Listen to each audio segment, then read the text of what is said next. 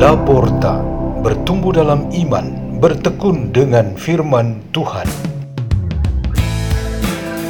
Radio Laporta, pintu terbuka bagimu untuk pertumbuhan pengetahuan dan kebijaksanaan tentang Allah.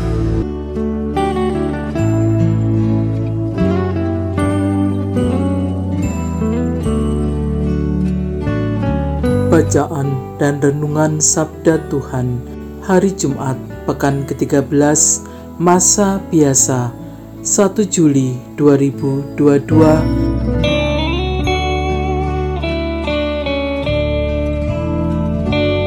Dibawakan oleh Rini Sudarno dari Gereja Santo Ambrosius Paroki Villa Melatimas Keuskupan Agung Jakarta.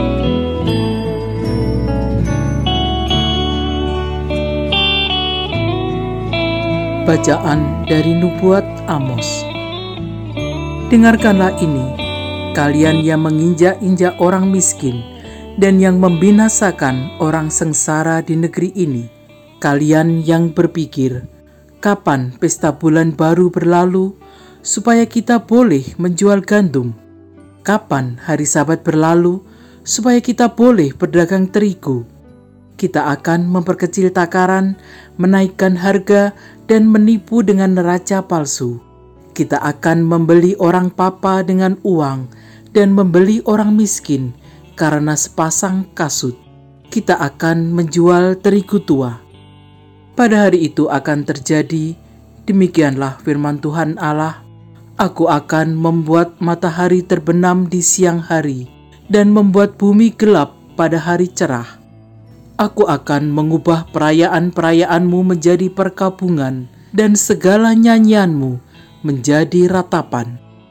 Aku akan mengenakan kain kapung pada setiap pinggang dan menjadikan gundul setiap kepala.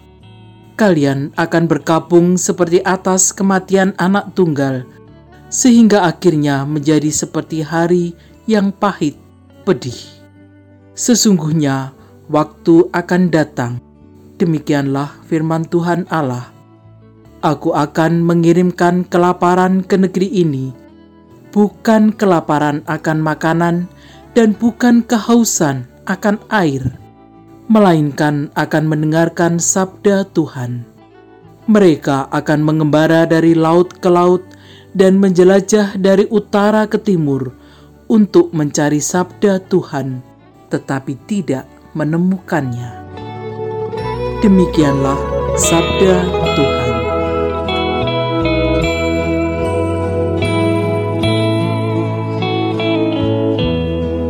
Tema renungan kita pada hari ini ialah hidup dan mati dalam iman. Nabi Amos, seorang nabi Perjanjian Lama yang dikenal sebagai nabi untuk keadilan sosial, mengungkapkan kenyataan ketidakadilan yang dialami oleh orang-orang beriman pada masanya. Orang-orang beriman itu kebanyakan adalah orang-orang biasa yang pekerjaannya ialah petani, peternak, dan pedagang kecil. Mereka semua harus menghadapi kekuatan pengaruh dari para penguasa dan orang kaya yang cenderung menindas dan mengeksploitasi hasil-hasil pekerjaan mereka. Tipu daya para penguasa dan orang kaya hanya bertujuan untuk menindas dan semakin memiskinkan orang-orang kecil tersebut. Apakah orang-orang tak berdaya ini mengalami sebuah kutukan Tuhan? Sama sekali tidak. Iman mereka tetap ada, namun diuji. Nabi Amos berusaha menyadarkan mereka akan kekuasaan Tuhan yang selalu menolong mereka. Ini sama sekali bukan sebuah kegagalan dalam beriman. Karena kata Tuhan Yesus sendiri bahwa iman sebesar biji sesawi akan tumbuh besar asal iman itu tetap terpelihara dan bertumbuh. Yesus sendiri wafat pada usia sekitar 33 tahun dan menyatakan dirinya sendiri sebagai penyelamat. Ia tegaskan diri sebagai jalan, kebenaran, dan kehidupan. Namun banyak orang tidak menerima dia dan dia ditinggalkan oleh para muridnya saat kematiannya. Namun ini bukan kegagalan iman, tapi berbuah manis dan sangat menentukan pembaharuan dunia melalui gereja yang didirikan. Gereja ini merupakan bangunan iman yang kokoh dengan Yesus sebagai kepala dan fondasinya ialah para rasul. Matius, si pemungut cukai yang dipanggil oleh Yesus pada saat tersendiri dan mendapat protes keras dari orang-orang sekitarnya, tampak seperti suatu strategi iman yang salah. Namun, ia telah terbukti sebagai salah satu fondasi gereja dan dipercaya telah menuliskan salah satu dari empat Injil. Dari semua contoh iman yang kecil, sederhana, namun kuat dan bertahan berhadapan dengan rencana atau janji Tuhan yang begitu besar, cara yang paling tepat untuk menjembatani ini ialah kalau kita berkomitmen untuk hidup dan mati di dalam iman itu. Ini berarti bahwa panggilan kita masing-masing merupakan tanda penting kita beriman. Ikut bersama panggilan itu ialah pekerjaan dan tanggung jawab yang kita emban, juga memberikan isi pada iman kita.